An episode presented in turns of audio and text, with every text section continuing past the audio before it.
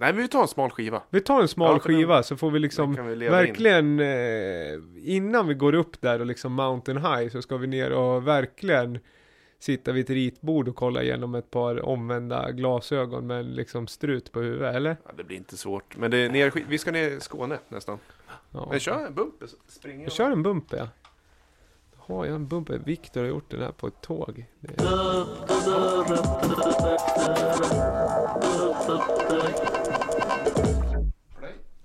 Innan du fortsätter att spela skivan bör du nu med hjälp av mappens text och bilder kontrollera att skivspelaren, pickuppen och nåltrycket är rätt inställt.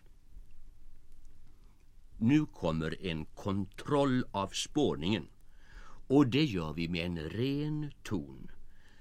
Tonen är svag i början och ökar i styrka undan för undan. Och den ska låta ren och klar hela tiden. Om den mot slutet börjar låta illa skåra till exempel visar det att din pickup spårar dåligt och att du nog skulle behöva en bättre pickup eller tonarm för att inte dina skivor ska slitas onödigt mycket. Ja, det här är ju inte speciellt smalt. Vi har varit inne, vi har i princip spelat det här förut. Men det här har ju en finess. Apropå det som saknades förra låten. Ja, precis. Och finessen är ju att det är E.H. Järegård, Ernst-Hugo, som har läst in den här.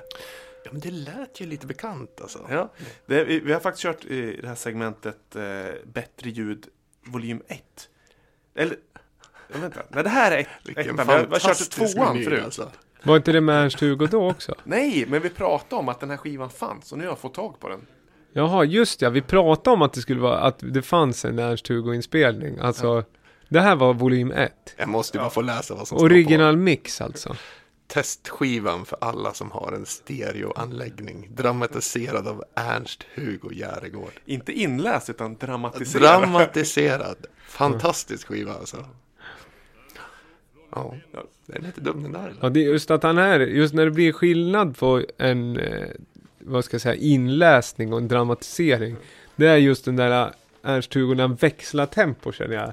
Lång ton och så, du vet när han verkligen, det är ju det att han dramatiserar.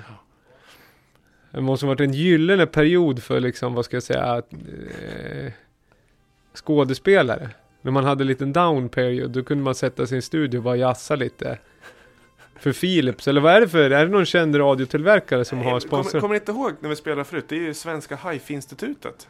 Ja just ja, det här. Oj, vad fint. Det var då vi konstaterade att vi borde ha ett eh, band. Oberoende, oberoende ljudtest. Ja, att vi borde ha ett band som heter Svenska Hifi-institutet. Som kör Lo-Fi House eller någonting. Det vore ju Eh, fint faktiskt. Det är ju inte... Tänk på det här för att vi ska ju spela en låt sen, eh, Smala skivan och det här jobbar jag också med någon slags av collage men den är inte liksom lika raffig som det collaget. Det är, den är ju orange, en förskräcklig, en sån här futuristen orange fast en lite rödare i tonen. Som gör en brand, brandgul. Brandgul, ja. Och så är det en basfiol som ser arg ut som står och skriker åt någon Al- Alexander Lukas karaktär. Och ser, han ser inte ut att gilla musik överhuvudtaget. Nej, Nej, det gör han inte. Han är En bara ovän är det där. Är En ovän. Rent Så ljud. sitter Per Albin Hansson, eller vad, vem är det? Det är det inte Nej, heller. det det är någon seriefigur i en eh, ganska mullig soff, eller vad ska jag säga, fåtölj framför en, eh, Det är en mullig fåtölj. ja, framför med röda tassar och knappar.